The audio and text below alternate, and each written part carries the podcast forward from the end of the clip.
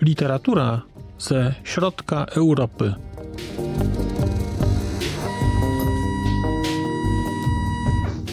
Podcast około książkowy. Dzień dobry. Marcin Piotrowski, podcast około książkowy Snak Litera Człowiek. Witam Państwa po raz kolejny. Dzisiaj zdecydowałem się e, pojawić u Państwa z mikroopowieścią o książce Bianki Belowej Mona. Mona to jest pierwsza książka Bianki Belowej po jeziorze, czyli po, tej, po tym tytule bardzo znanym, nagradzanym, dobrze przyjętym.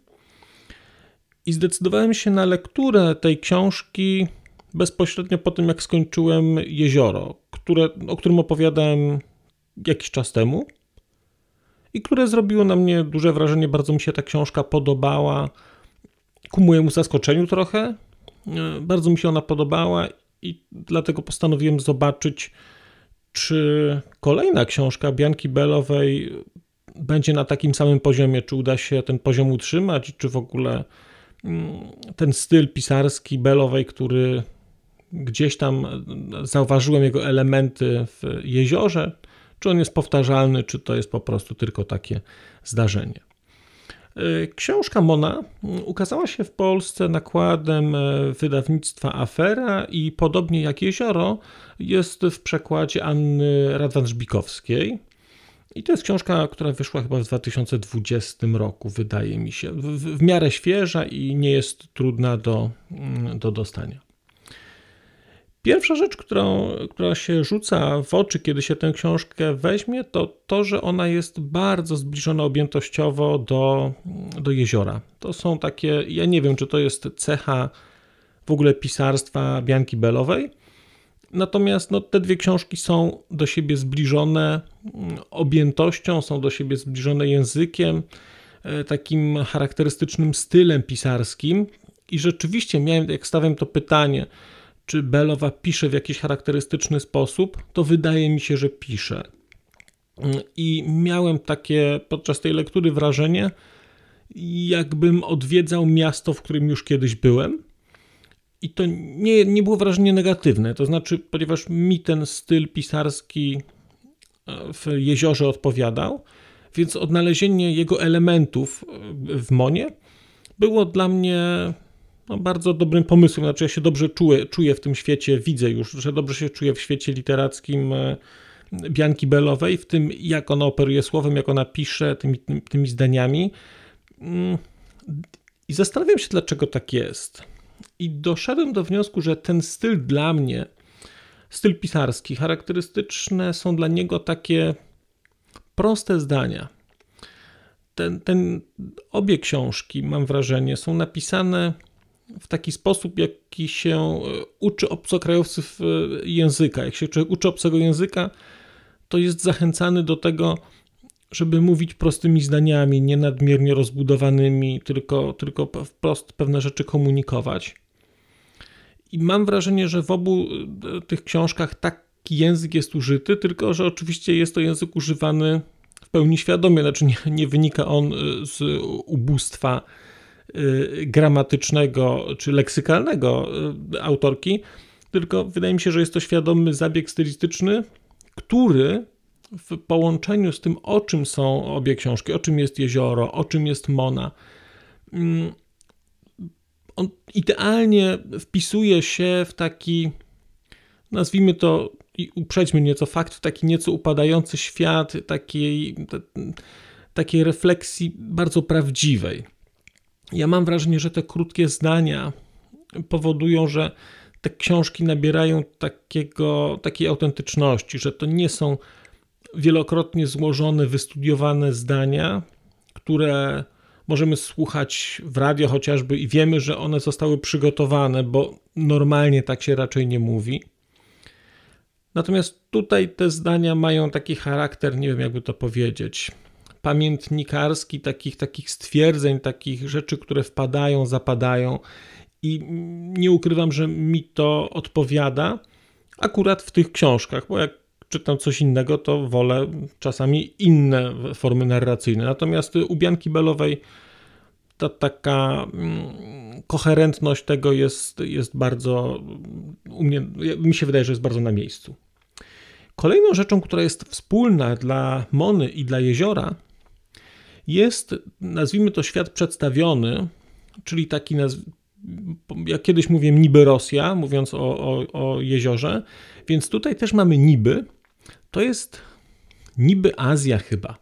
Ja sobie te, to miejsce, które ta książka opisuje, to gdzie się ta akcja dzieje, na początku byłem przekonany, że to dzieje się w Chinach. Potem byłem przekonany, że to dzieje się w Iranie. Potem byłem przekonany, że rzecz e, rozgrywa się w Wietnamie. Potem znowu wróciłem do Chin, a potem znowu do Iranu. Generalnie powiedziałbym, że jest to obszar Azji tej południowej. Mm, I powodów znaczy, takiego usytuowania jest kilka. To znaczy, w zależności od tego, w, na, w którym miejscu książki Państwo będziecie, będziecie mieć takie sygnały, które będą pozwalały to miejsce lokalizować, będą pozwalały określić też czas.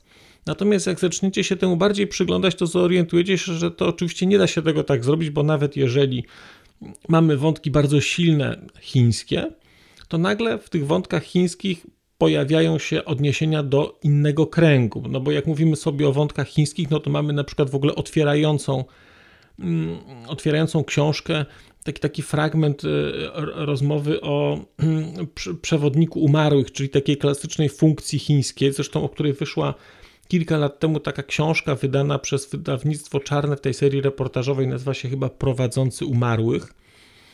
I to, to, to jest taki wątek y, bardzo charakterystyczny dla Chin, czyli ta, ta, ta, taka sytuacja, że jeżeli ktoś umiera z daleka od domu, to są osoby, które mają tę osobę, tego trupa, de facto to ciało przeprowadzić, e, przeprowadzić do domu i tak, żeby się dało go pochować w miejscu jego tam narodzin. I to jest taka funkcja społeczna, można było powiedzieć, tam są z tym związane różne obrzędy i tak dalej, więc tu, ta książka się w ogóle tym zaczyna, więc na początku myślałem sobie, ok, to jest książka o Chinach, tym bardziej, że pojawiają się też jakieś tam takie chińsko brzmiące imiona zwierząt. Później stwierdziłem, że nie, jednak jest to książka trochę o Iranie, dlatego że pojawia się wątek, nazwijmy to, rewolucji, pojawia się taki wątek mm, świata strażników rewolucji, ale takich strażników rewolucji nie komunistycznej raczej, tylko tej takiej religijnej, czyli wymagania zakrywania mm, włosów przez kobiety, wymagania tego, że ograniczania im wolności, że nie mogą się gdzieś e, e, pojawiać taka policja e, religijna się pojawia. Mm, I też pojawia się taki, jak dla mnie, taki wątek irański dosyć, powiedziałbym, czyli te, tego takiego starego świata, bardzo klasycznego, który tam funkcjonował i który po rewolucji przestaje mieć rację, rację bytu. I kolejna rzecz, która się z kolei pojawia, to jest wątek wietnamski, czyli wątek, wątek wojny. Tam się pojawia dżungla, tam się pojawia mm, marsz e, żołnierzy przez dżunglę, pojawia się szpital, który jest w dżungli i to z kolei to są takie bardzo, bardzo silne konotacje, jak się to czyta, to, to człowiek ma przed oczami obrazy czy z Łowcy Jeleni, czy z Plutonu. To, to jest po prostu historia w Wietnamie. No i właśnie, ale jak tylko się człowiek przyostrzy ten obraz i stara się to potwierdzić, ok, to jest to, to nagle się okazuje, że przeostrzył za bardzo i nagle widać już, jak, jak już się znajdujemy to miejsce, to nagle się okazuje, że, że to jednak nie jest to miejsce. Natomiast jest to taki miks e, obszarów i kultur, e, które gdzieś na końcu składają się na pokazanie nam takiego świata, który jest światem zakazów, światem takiej regulacji. I to nie światem, który taki był, tylko światem, który się właśnie taki staje albo staw, zaczął się stawać. Mm, I to jest coś, co też było widać e, w jeziorze, bo tam się pojawia ten wątek, e, nazwijmy to odrodzenia muzułmańskiego takiego. Tutaj nie jest to wprost nazwane, natomiast ten wątek też tutaj, też tutaj jest obecny, natomiast jest to świat takiej, świat takiej regulacji, zakazów, to trochę takiej, bym powiedział, mm, upadku tej dekadenckiej cywilizacji, czy takiej dekadenckiej kultury, trochę takiej europejskiej, takich elementów kultury europejskiej, które gdzieś tam są, jakieś służą, jacyś służący, jakieś hotele, jakiś sposób życia, taki, taki klas wyższych i nagle to, to wszystko jest pokazywane z perspektywy tego, co już minęło, bo, bo właśnie nadchodzi, nadchodzi coś innego. No i na tle tego świata, tego świata regulacji, tego świata zakazów, to widać przede wszystkim to, że jest to świat takiej totalnej podległości kobiet. To znaczy, te kobiety tam są, główną bohaterką jest e, tytułowa Mona. E, natomiast to są kobiety, które zaczynają żyć w świecie, w którym nie żyły poprzednio. Muszą się mierzyć z różnego rodzaju zakazami, chociażby z tym, że mają zasłaniać e, włosy. I dzielą się właśnie na te kobiety, które zasłaniają włosy i te, które nie zasłaniają włosy. I, i to w ogóle to, ten czepek, który się nosi, czy zdjęcie go, jest pewnego rodzaju deklaracją postawy, deklaracją polityczną, deklaracją etyczną. Mm, ten taki wątek antykobiecości tego świata też pojawia się e, w takich, e, mm, nazwijmy to, takiej drobnej przemocowości. W tej książce nie ma chyba wspomnianej, o ile, o ile, pamiętam, takiej dużej przemocowości wobec kobiet. Nie ma, nie są wspominane chyba gwałty, nie są wspominane pobicia. Natomiast są wspomniane takie, takie upokarzające sytuacje właśnie, że ktoś kogoś poklepuje, ktoś kogoś podszczypuje, mm, e, są opisane lepki dotyk e, w środkach komunikacji miejskiej, mm, trochę takie poniżające e, przykazanie weź zakryj głowę, mm, więc to jest taki niewielka przemoc, tylko wydaje mi się równie bolesna, drobna przemoc, która, która jest doświadczana na, na, na każdym kroku. No i mamy też jedną taką bardzo też przemocową historię, dużą, mimo że tylko za, za, za, zaanonsowaną, no to jest e, scena, scena obrzezania kobiety i tutaj e, to jest świat właśnie taki, który staje się światem trudnym dla kobiet, żeby nie powiedzieć e, antyfeministycznym takim. No i to wszystko, mówię, to, to wszystko gdzieś konweniuje w taki, ta, taką kulturę środkowej Azji trochę, na, na tle tych, tych, przemian, tych przemian religijnych. No i w tejże środkowej Azji, w tym świecie takim, który trochę się zmienia właśnie, dlatego że toczy się tam wojna, ona nie, nie jest powiedziana, jaka to jest wojna, to jest jakaś wojna partyzancka, ale nie wiemy tego za dużo. Do, dochodzi do spotkania głównej bohaterki, czyli Mony, pielęgniarki w takim średnim wieku plus, z Adamem, czyli z takim młodym żołnierzem, który jest ranny i oni się poznają, oni się poznają w szpitalu. I tak naprawdę to spotkanie jest pewnego rodzaju taką osią narracyjną, bo oni się gdzieś tam spotykają, to znaczy Mona się nim opiekuje, bo on nie, nie jest w stanie sam o siebie zadbać, dlatego że jest ciężko ranny. I przy okazji tego, tego spotkania poznajemy historię tego świata, to znaczy poznajemy historię Mony, która jest opowiadana, ona sobie pewne rzeczy przypomina albo opowiada Adamowi, ale też poznajemy historię Adama, tego bardzo młodego człowieka, który, no, jak to się stało, że on trafił do wojska i dlaczego stał się tym, czym się, kim się stał y, i dlaczego wojskowi, którzy są pokazani y, w tej książce, są pokazani trochę jako ofiary y, tego, tego konfliktu, tych zdarzeń, które się tam pojawiają.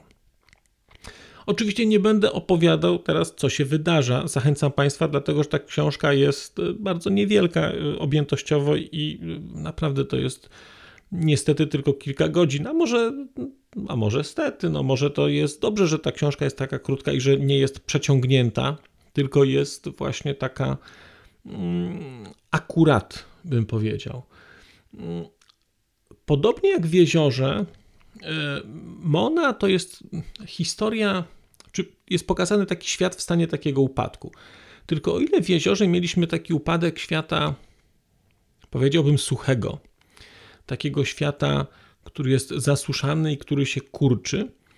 O tyle w Monie ten świat jest trochę inny. To jest taki świat, e, nazwijmy to wilgotny. To jest świat e, takiego bujnego życia, i jak, jak w jeziorze mieliśmy takie bardzo drobne wspólnoty, które się zamykają, są właściwie zanikają, niszczą się, są, są wsobne. Tutaj tak nie mamy, tutaj mamy raczej takie, to wszystko jest takie żywe, to jest takie mm, pochłaniające, ale tak pochłaniające w sensie takie rozpychające się. Mamy dżunglę, która, mm, która przejmuje de facto szpital, która ten szpital rozsadza, która go pokrywa. Mamy takie wątki też mm, takiej, nazwijmy to, wilgotnej gleby, która, która też się tutaj pojawia. O ile jezioro było o suchości, to powiedziałbym, że tu jest ten, ten taki pierwiastek e, wilgotności e, e, eksplorowany w, w Monie. No i tak naprawdę to wszystko gdzieś kumuluje do takiego, do takiego finalnego zdarzenia, które, które no jest nazwijmy to takim punktem, może niezwrotnym, bo tylko to jest, to jest taka końcówka, to jest, to jest grande finale tej książki. Tutaj się coś wydarza i też nie jest to znowu coś aż tak gigantycznie spektakularnego jakiegoś. Natomiast jest to coś, co w życiu tych bohaterów jest elementem istotnym, to co się to, co się gdzieś e, wydarza. I co też ta książka ma taki, taki ja przynajmniej tak to odebrałem, taki walor, e, czy walor, tak, taką, wykorzystuje taką ideę klamry, znaczy pewne rzeczy, które się zaczynają, analogie pewne są gdzieś, są gdzieś na końcu i, i, i całość jest taka, powiedział, spójna, znaczy można tam się iluś rzeczy, iluś rzeczy doszukać. Ja, mi się ta książka, jak Państwo słyszą, bardzo podobała i podobała mi się i koncepcyjnie. Bardzo mi się podobało to, że to jest, że, że Bellowej udało się zbudować alternatywny świat do tego, który zbudowała. Co oznacza, że historia, którą opisała, czy świat, który przedstawiła w, w jeziorze, ten świat niby jakiegoś kraju, nie, nie wyszedł jej przypadkowo. To znaczy, tutaj nie ma przypadku, bo w drugiej książce to powtórzyła w innym kontekście e, kulturowym i jest to zrobione równie zręcznie, a chyba nawet zręcznie, dlatego że te rzeczy są wybrane jeszcze z takich odleglejszych od siebie, nazwijmy to kulturowo obszarów, bo geograficznie to one są gdzieś tam równie bliskie.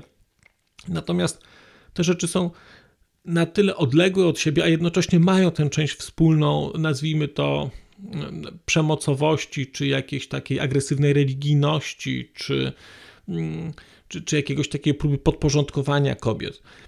I to jest zrobione bardzo zręcznie. I mi się to bardzo podobało. To znaczy, no, ciekaw jestem, jaka będzie kolejna książka Belowej, którą będę czytał. Natomiast tutaj to było zrobione bardzo, e, bardzo dobrze. I również bardzo dobrze jest to, jak dla mnie, napisane. To znaczy, tu jest taki balans. E, e, te książki Belowe, i Jezioro, i Mona są dla mnie pod względem literackim takie bardzo dobrze zbalansowane, bo o ile na przykład z tych książek, które czytałem ostatnio, o których gdzieś tutaj w podcaście opowiadałem, mm, z jednej strony mamy na przykład Katarzynę Tuczkową, gdzie mm, te książki są takie bardzo, bardzo konkretne i tam niespecjalnie jest miejsce na jakieś, e, na jakieś e, takie mm, subtelności, na jakieś przenośnie, mm, metaforykę, symbolizm i tak dalej. Z drugiej strony mamy Radkę Denemarkową na przykład, o której Koboldzie opowiadałem ostatnio, gdzie e, książka jest tym tak nasycona, że, że fragmentami jest trudna do czytania, bo, bo trudno jest po prostu mm, prze, mm, z, zanalizować te rzeczy, jakoś je poskładać, coś z nich wyciągnąć, bo po prostu to jest wszystko takie nasączone i gęste. Mm, a u Belowej, jak dla mnie, jest taki idealny balans tego, to znaczy jest historia, jest ileś e, rzeczy, które są dookoła tego, natomiast e, jest to dla mnie tak bardzo dobrze zbalansowane i ta historia, mimo że jest w świecie nierealnym, my ją gdzieś tam sobie odnosimy do jednakowoż realności, która, która jest wokół nas, do, do, do świata, w którym żyjemy, a jednocześnie to całość jest taka, bym powiedział, lekko, lekko poetycka i tam i, i to nie jest tylko zapis wydarzeń, to jest, to jest coś więcej, tam jest taki nazwijmy to, smutek świata w tej książce zawarty i, i, i taka niezgoda na pewne rzeczy, a jednocześnie jest to pokazane, wydaje mi się, bardzo tak elegancko, jeżeli można to tak ująć. Znaczy, to nie epatuje sobą, natomiast, natomiast można to, można to łatwo, łatwo znaleźć. Bianka Belowa, Mona. Mi się ta książka bardzo podobała, bardzo Państwu polecam. I cóż, chyba na dzisiaj tyle. Bardzo Państwu dziękuję za uwagę, dziękuję za posłuchanie i zapraszam za czas jakiś E, przez mikrofon oraz komputer mówił do Państwa Marcin Piotrowski.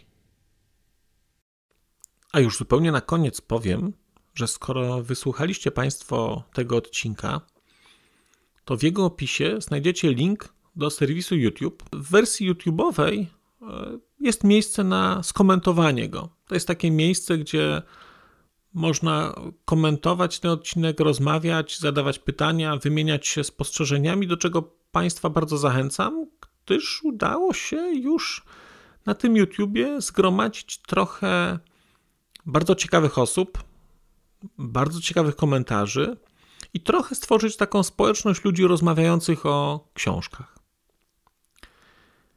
Też na koniec, zupełnie na koniec, e, poproszę Państwa o wystawienie oceny mi w ramach e, tych platform podcastowych, na których Państwo tego odcinka wysłuchaliście. I nieważne jaka ta ocena będzie, istotne dla mnie po prostu, że będzie. Tymczasem się żegnam już naprawdę i do usłyszenia za czas jakiś.